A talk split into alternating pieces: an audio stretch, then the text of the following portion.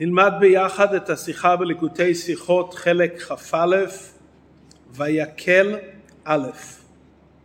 השיחה הזו מדברת על סיום הלכות בית הבחירה ברמב"ם. יש בהלכות בית הבחירה שמונה פרקים, מספר ההלכות קל"ז, סימן להם שנותיו של לוי שנבחר לשרת בבית הבחירה. בסיום הפרק האחרון של הלכות בית הבחירה הרמב"ם מתאר את דיני שמירת המקדש.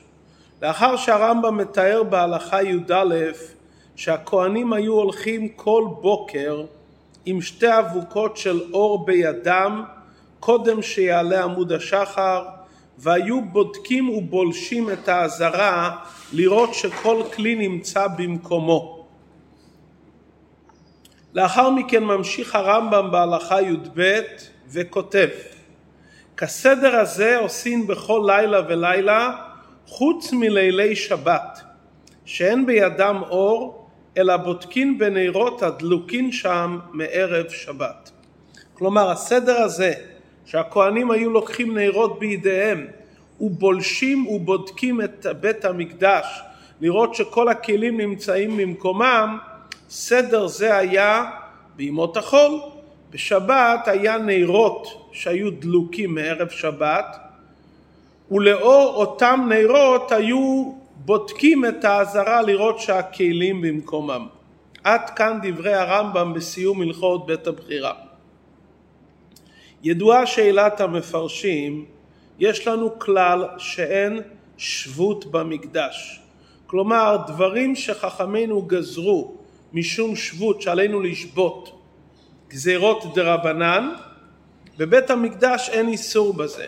לכאורה בענייננו טלטול הנרות בשבת זה רק איסור שבות. זה לא חס ושלום להדליק את הנר, שזה בוודאי אסור, זה רק לטלטל את הנר וזה מצד איסור שבות. ואם כן, מדוע בבית המקדש, ששם הרמב"ם פוסק שאין שבות במקדש, מדוע בדקו את בית המקדש לאור הנרות שדלקו מערב שבת ולא טלטלו נרות בידיהם כמו שהיו עושים בימות החול. מתרץ על זה הכסף משנה. שונה הדברים כאן מכיוון שאפשר להשתמש בנרות שדלוקים מערב שבת.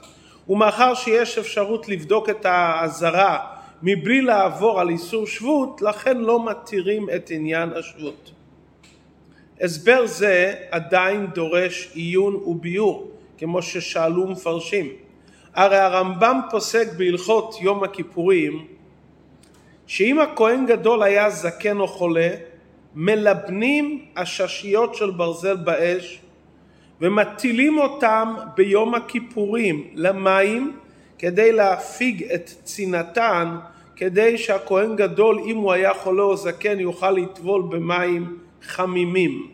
והרמב"ם מנמק את הדברים ואומר שאין שבות במקדש. גם כאן לכאורה היה אפשר לחמם את המים באופנים שונים, לאו דווקא על ידי הששיות של ברזל. היה אפשר לערב מים חמים במי המקווה כדי שצנעתן תפוג. ובכל זאת אנחנו לא משתמשים באפשרויות, אלא אנחנו אומרים שאפשר לכתחילה לשים עששיות של ברזל כי אין שבות במקדש. גם בעניין של להכות באצבע צרידה אם כהן גדול ביקש להתנמנם בליל יום הכיפורים, פרחי לוויה היו מכים לפניו באצבע צרידה. למרות שלהכות באצבע צרידה זה להשמיע קול, וגם זה אסור, אבל בבית המקדש התירו כי אין שבות במקדש. ולמרות שגם כאן ישנם אמצעים שונים כדי לסייע לכהן להיות ער ולא להירדם, ובכל אופן אנחנו מתירים את הדברים הללו בנימוק הגורף שאין שבות במקדש. אם כן, מדוע כאן אנחנו לא משתמשים בהיתר זה, אלא משתמשים בנרות שדלוקים מערב שבת? בפשטות היה אפשר לבאר את הדברים שהכלל הזה שאין שבות במקדש גם אם יש אפשרות אחרת, זה רק אם הדבר הוא בדרך ארעי, כלומר שמזדמן איזה מצב מיוחד שאפשר לתקן את הדברים על ידי שבות, לדוגמה כהן זקן או חולה וכדומה, התירו את השבות במקדש גם אם אפשר באופן אחר. כלומר, סדר העבודה הקבוע במקדש לא יכול להיות על ידי שמתירים שבות. אבל אם ישנם מקרים מסוימים, אפשר להזדקק להיתר הזה. מכיוון שכאן מדובר על דבר קבוע, על בדיקה שבתית בכל שבת ושבת. מכיוון שזו הנהגה קבועה, לא מתירים הנהגה קבועה באופן שיצטרכו להתיר שבות במקדש. כלומר עלינו לחלק בין הנהגה שהיא ארעית להנהגה קבועה שבכל שבת ושבת. גם הסבר זה עדיין לא מספיק, כי מצינו שהתירו שבות במקדש גם בדבר שהוא קבוע. לדוגמה, בערב פסח שחל בשבת, הדין הוא שמפשיטים את אור הקורבן על גבי מקלות כמעשהו בחול, אף על פי שאפשר גם באופן אחר.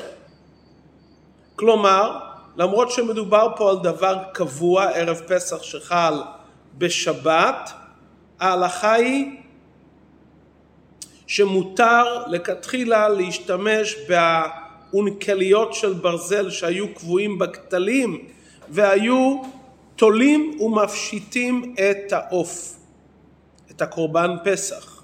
למרות שהיה אפשר להתנהג באופן אחר כדעת רבי אלעזר שמניח ידו על כתף חברו ויד חברו על כתפו ותולה ומפשיט. דוחק לומר שערב פסח שחל בשבת זה עניין ארעי שחל מזמן לזמן. על כל פנים אנחנו נראה עכשיו ביור נפלא למרות שהביורים הקודמים גם אפשר לדחוק אותם ולבאר, נראה כאן ביור נפלא מדוע לא משתמשים בהיתר של שבות בעניין בדיקת המקדש בכל יום בשבת.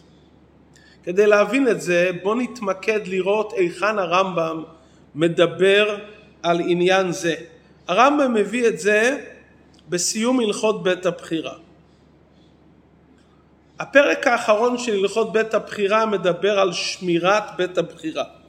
ההלכות הקודמות מקומן בפרק זה כי מדבר שם הרמב"ם בנוגע לשמירת המקדש.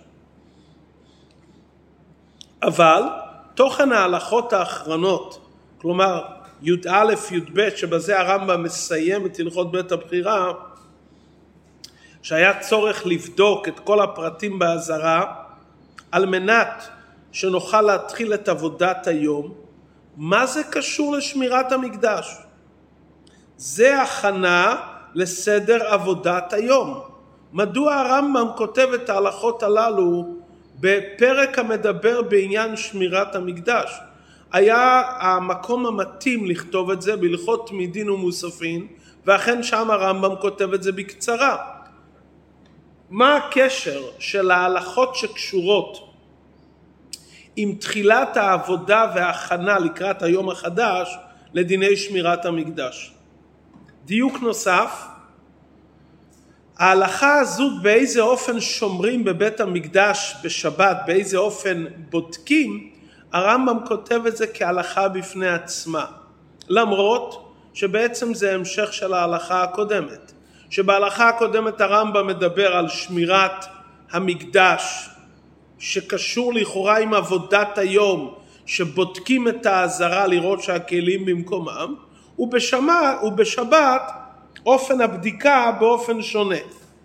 הרמב"ם על ימות החול מביא הלכה אחת ועל שבת על אופן בדיקת המקדש בשבת הרמב"ם כותב בהלכה בפני עצמה.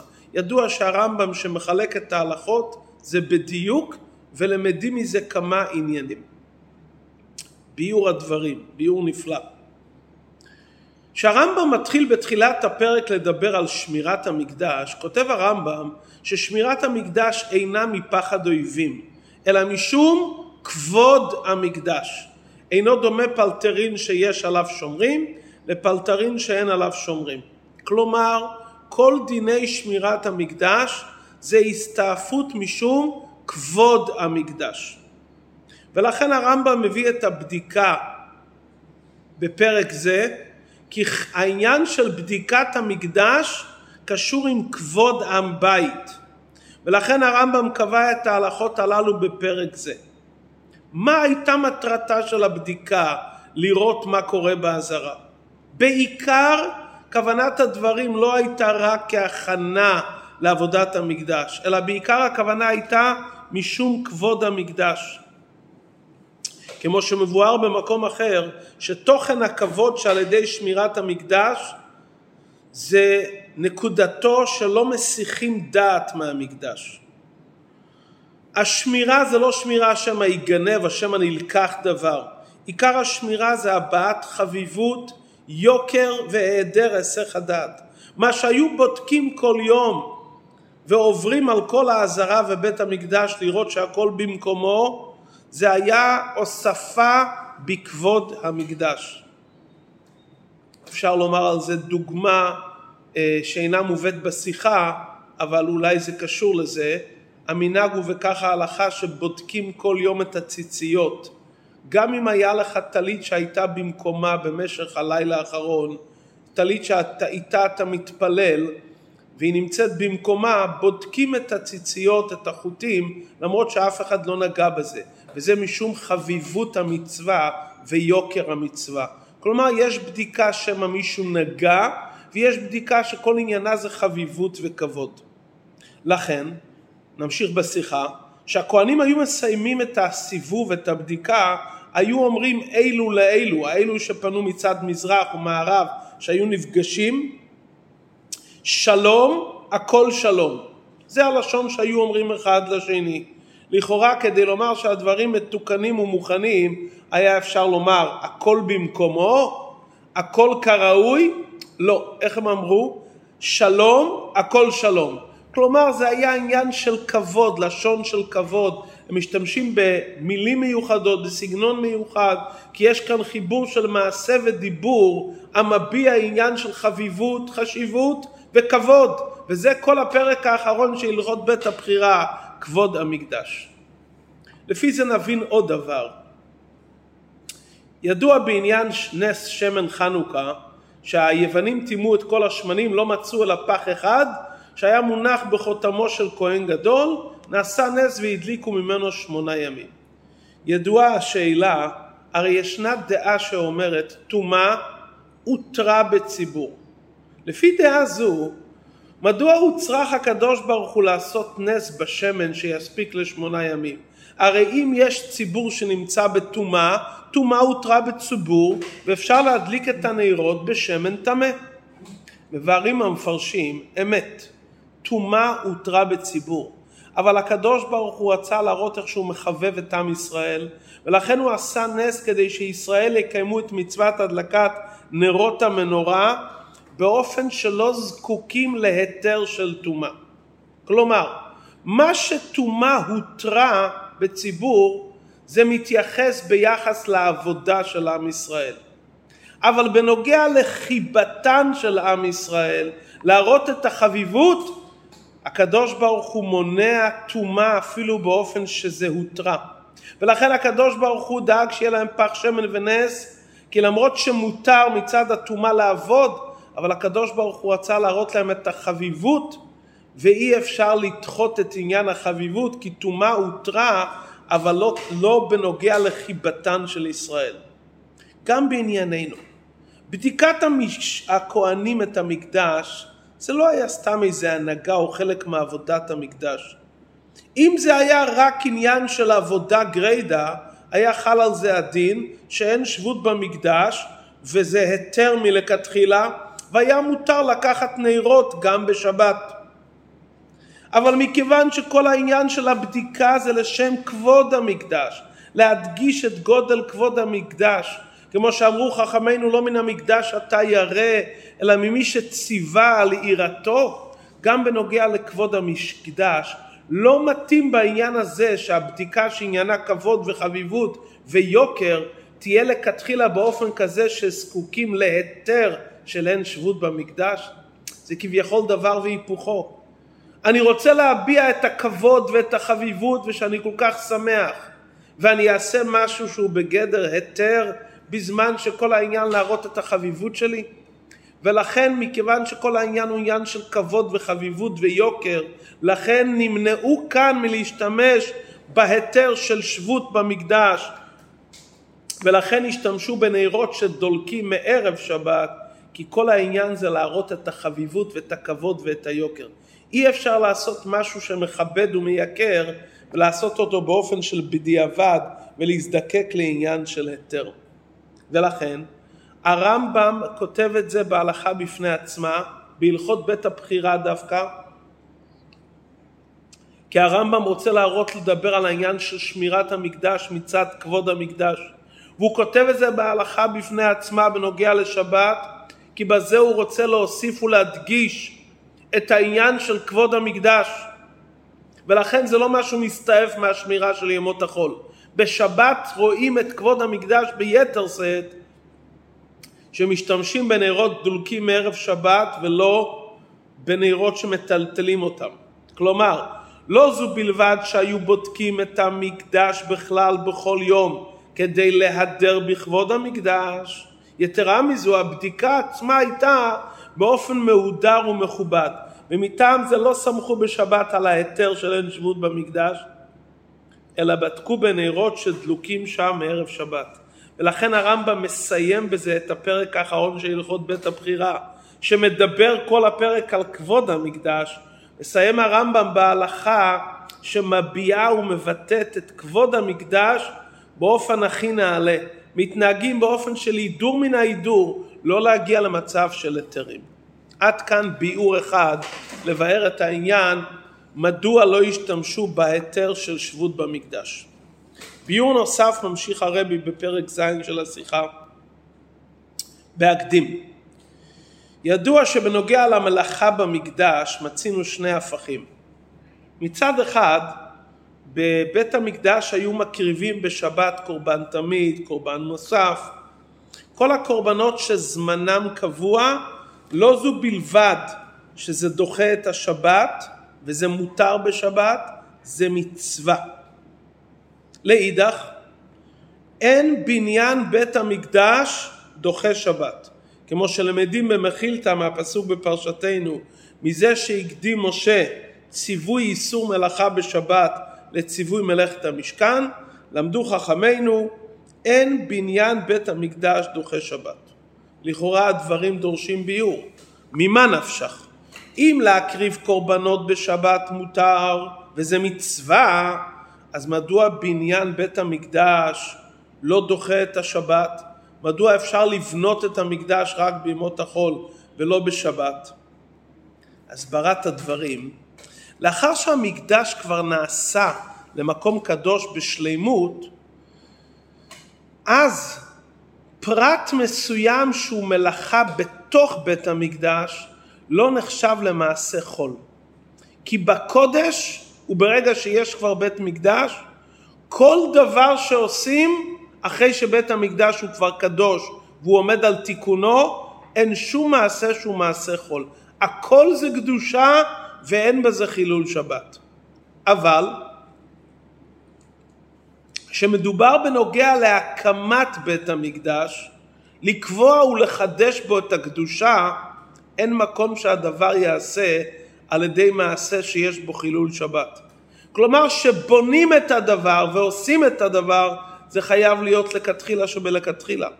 לאחר שהדבר קדוש כל מעשה שעושים בו הוא לא מעשה חול.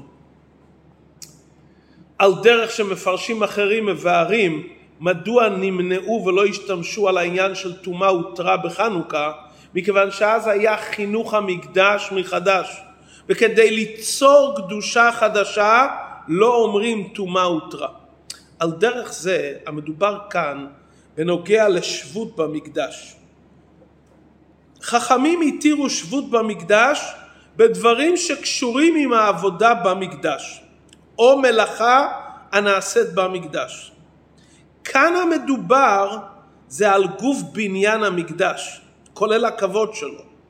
כי הבדיקה כאן היא בדיקה בעצם הבניין, לראות אם הכל נמצא במקומו. כאן לא התירו חכמים שבות, מכיוון שפעולה וחידוש, או הוספה וחיזוק של קדושה בבית עצמו, לא במלאכות הנעשות בבית, אלא בבית עצמו לא התירו מעשה של שבות. הרי הרמב"ם קובע את ההלכות של שמירת עוקבות המקדש בהלכות בית הבחירה. גם רבנו הקדוש מסדר המשנה קבע את דיני שמירת המקדש גם במסכת מידות שעניינה מידות הבית ולא רק במקומות שמבארים על העבודות הנעשות בבית. כלומר שמירת המקדש זה חלק מכבוד הבית, זה חלק מהבניין שלו. כפי שמבואר במקום אחר, שמצוות בניין המקדש זה לא לבנות אותו, אלא שיהיה בית המקדש, כמו שמבאר הגאון מרוקצ'וב. לכן הטעם ששמירת המקדש זה חלק מהלכות בית הבחירה, כי השמירה פועלת שיהיה בית המקדש, שיהיה בית של כבוד, שיהיה מקום ראוי להיות בית הבחירה. נמצא שזה שהכהנים בודקים בכל יום במקדש זה משום כבוד המקדש. זה לא רק הכנה לעבודת היום, זה המשך וחלק מעצם בניין המקדש. הבדיקה הייתה על דרך בדק הבית, ועל ידי זה הבית נעשה מכובד ומהודר יותר. ולכן לא אומרים כאן את הכלל שאין שבות במקדש, מכיוון שהבדיקה הייתה חלק מבניין המקדש, ובניין המקדש התורה הזהירה שהוא לא דוחה שבת, אז כל מה שחכמים תיקנו, הם מתקנים מעין מה שהיה בתורה, מעין דאורייתא. כמו שבניין בית המקדש עצמו לא דוחה את השבת, בדיקת בית המקדש, שזה חלק מביסוס ותוספת של בניין הבית, לא דוחה את האיסור של שבות. אז זה ביור נוסף, שעצם הבניין לא דוחה שבות, והבדיקה כל יום זה המשך וחלק מבדק הבית ומבניין המקדש, ועל זה לא אמרינן אין שבות במקדש, אלא רק על העבודות הנעשות בתוך המקדש לאחר בנייתו. לפי זה נבין את סיום הלכות בית הבחירה, מה הקשר בין סיום ההלכות לתחילתן. הרי ידוע הכלל שנעוץ תחילתן בסופן. בתחילת הלכות בית הבחירה הרמב"ם אומר מהי מצוות בניין בית הבחירה? לעשות בית להשם. הוא לא כותב לבנות, ומכאן אנחנו לומדים שדעת הרמב"ם שהמצווה היא לא עצם פעולת הבנייה, אלא התוצאה שיהיה בית להשם. עם כל הפרטים שבית דורש. העניין הזה שהרמב"ם כותב, שהעניין הוא שיהיה בית בנוי, זה הוא מדגיש גם בפרק האחרון של הלכות בית הבחירה. גם שמירת המקדש היא חלק מבית הבחירה. זה לא חלק רק מעבודת היום, בעיקר זה חלק מבית הבחירה. והרמב"ם מסיים ואומר שמצד שהבדיקה זה פרט בבניין הבית של בית הבחירה, זה לא דוחה את השבת ולא דוחה גם שבות. כלומר שזה עניין שקשור עם הבית, גם בהתחלה הרמב"ם מדבר על הבית וגם בסוף הוא מדבר על הבית, ולכן דבר שקשור עם הבית אין בניין בית המקדש דוחה שבת ולא שבות. בפנימיות העניינים יש כאן בהלכה זו דבר נפלא. בית ראשון ובית שני שעליהם נאמר ועשו לי מקדש לא היה בית בתכלית השלמות. מתי יהיה הבית שלם בבית השלישי שהוא יהיה מקדש אלוקי שירד מן השמיים, מקדש השם כוננו ידיך, בית נצחי. ההלכה האחרונה בהלכות בית הבחירה עוסקת בסדר בדיקת האזהרה במקדש ביום השבת. לרמז לנו שהסיום והשלימות של בית הבחירה יהיה דווקא במקדש העתידי שהיום העתידי שהגאולה עניינה יום שכולו שבת. מתי יהיה לנו בית מקדש נצחי ושלם? בשבת, בזמן הגאולה שנמשלה לשבת, יום שכולו שבת ומנוחה לחיי העולמים. יכול האדם לעלות בדעתו ולומר, מכיוון ששלימות הבית תהיה רק לעתיד לבוא, אז העבודה שעושים עכשיו, אולי חס ושלום היא לא תופסת מקום, אולי חס ושלום אין לה חשיבות. כותב הרמב"ם ואומר, אדרבה, בליל שבת אין בידם אור, אלא בודקין בנרות הדלוקין שם מערב שבת. בזמן של יום שכולו שבת כבר אין בידם אור. בזמן של הגאולה, על זה נאמר בפסוק והגמרא דורשת, שנים אשר תאמר אין לי בהם חפץ. באותו זמן כבר עשיית המצוות תהיה פחות חשובה מכיוון שכבר זמן שהכל מואר. מאיפה יש לנו את האור של הגאולה? זה מגיע מהנרות, מהמצוות שהדליקו עם ישראל כל זמן הגלות בערב שבת. הגלות ובפרט זמננו אנו זה ערב שבת. כשאנחנו מדליקים היום נרות ומקיימים מצוות, בזה אנחנו מכינים את העולם למקדש השלישי והנצחי, בו יהיה העניין של נרות באופן שלם. השלימות של הבית השלישי, שאז יתגלה העילוי של העבודה בזמן הזה. כל מה שעשינו במשך זמן הגלות בערב שבת, נראה את זה בבית השלישי. הדבר הזה, שהאור של בית המקדש השלישי והנצחי, שירד ויבוא מן השמיים, נבנה על ידי הנרות והמצוות ומעשים טובים שאנחנו עושים כרגע בערב שבת קרוב לזמן הגאולה זה מזרז ומעודד את כל אחד מאיתנו בעבודה הפרטי שלו להקים את המקדש והמשכן הרוחני בתוכו ובתוך כל אחד ואחד מישראל וזה יביא את בית השלישי בגאולה האמיתית והשלמה במהרה בימינו ממש. עד כאן השיחה. יש כאן נקודה מאוד חשובה בעבודת השם. שעושים משהו משום כבוד, שעושים משהו משום הידור, שעושים משהו לכתחילה ומתחילים דבר, זה חייב להיות ללא שום היתרים, זה חייב להיות מוצלח, מהודר. לפי הביור הראשון שאמרנו, אי אפשר לעשות משהו של הידור וכבוד, לעשות אותו באופן של היתרים בדיעבד. אי אפשר להתחיל דבר ושההתחלה תהיה התחלה שדורשת היתרים. כשמתחילים דבר זה צריך להיות עם כל ההידורים, עם כל האפשרויות הכי טוב, כי ככה הדבר עומד כמו שצריך. בדיקת המקדש זה התחלה של בניין המקדש היומי, עלינו לעשות את זה עם כל ההידורים. אי אפשר לעשות היתר בעניין שכל כולו עניין של כבוד והידור. כשמהדרים ההידור צריך להיות לכתחילה, יש בו פעולה חינוכית, איך לחנך, איך להתחיל, איך לפנות לדברים שרוצים לעשות אותם באופן מהודר, באיזה אופן זה צריך להיות. לא, אי אפשר להשתמש בהיתרים שרוצים לעשות משהו של כבוד של דרך ארץ בחביבות. כשאתה מראה חביבות, חביבות והיתרים לא הולך ביחד. אם אתה מראה חביבות ויוקר וקדושה, עליך להימנע מכל היתר, גם אם הוא היתר הלכתי, כי יש בו עניין של חביבות. אם אתה מתחיל תהליך, תתחיל אותו לכתחילה שבלכתחילה, כך נזכה לבית השלישי בקרוב ממש.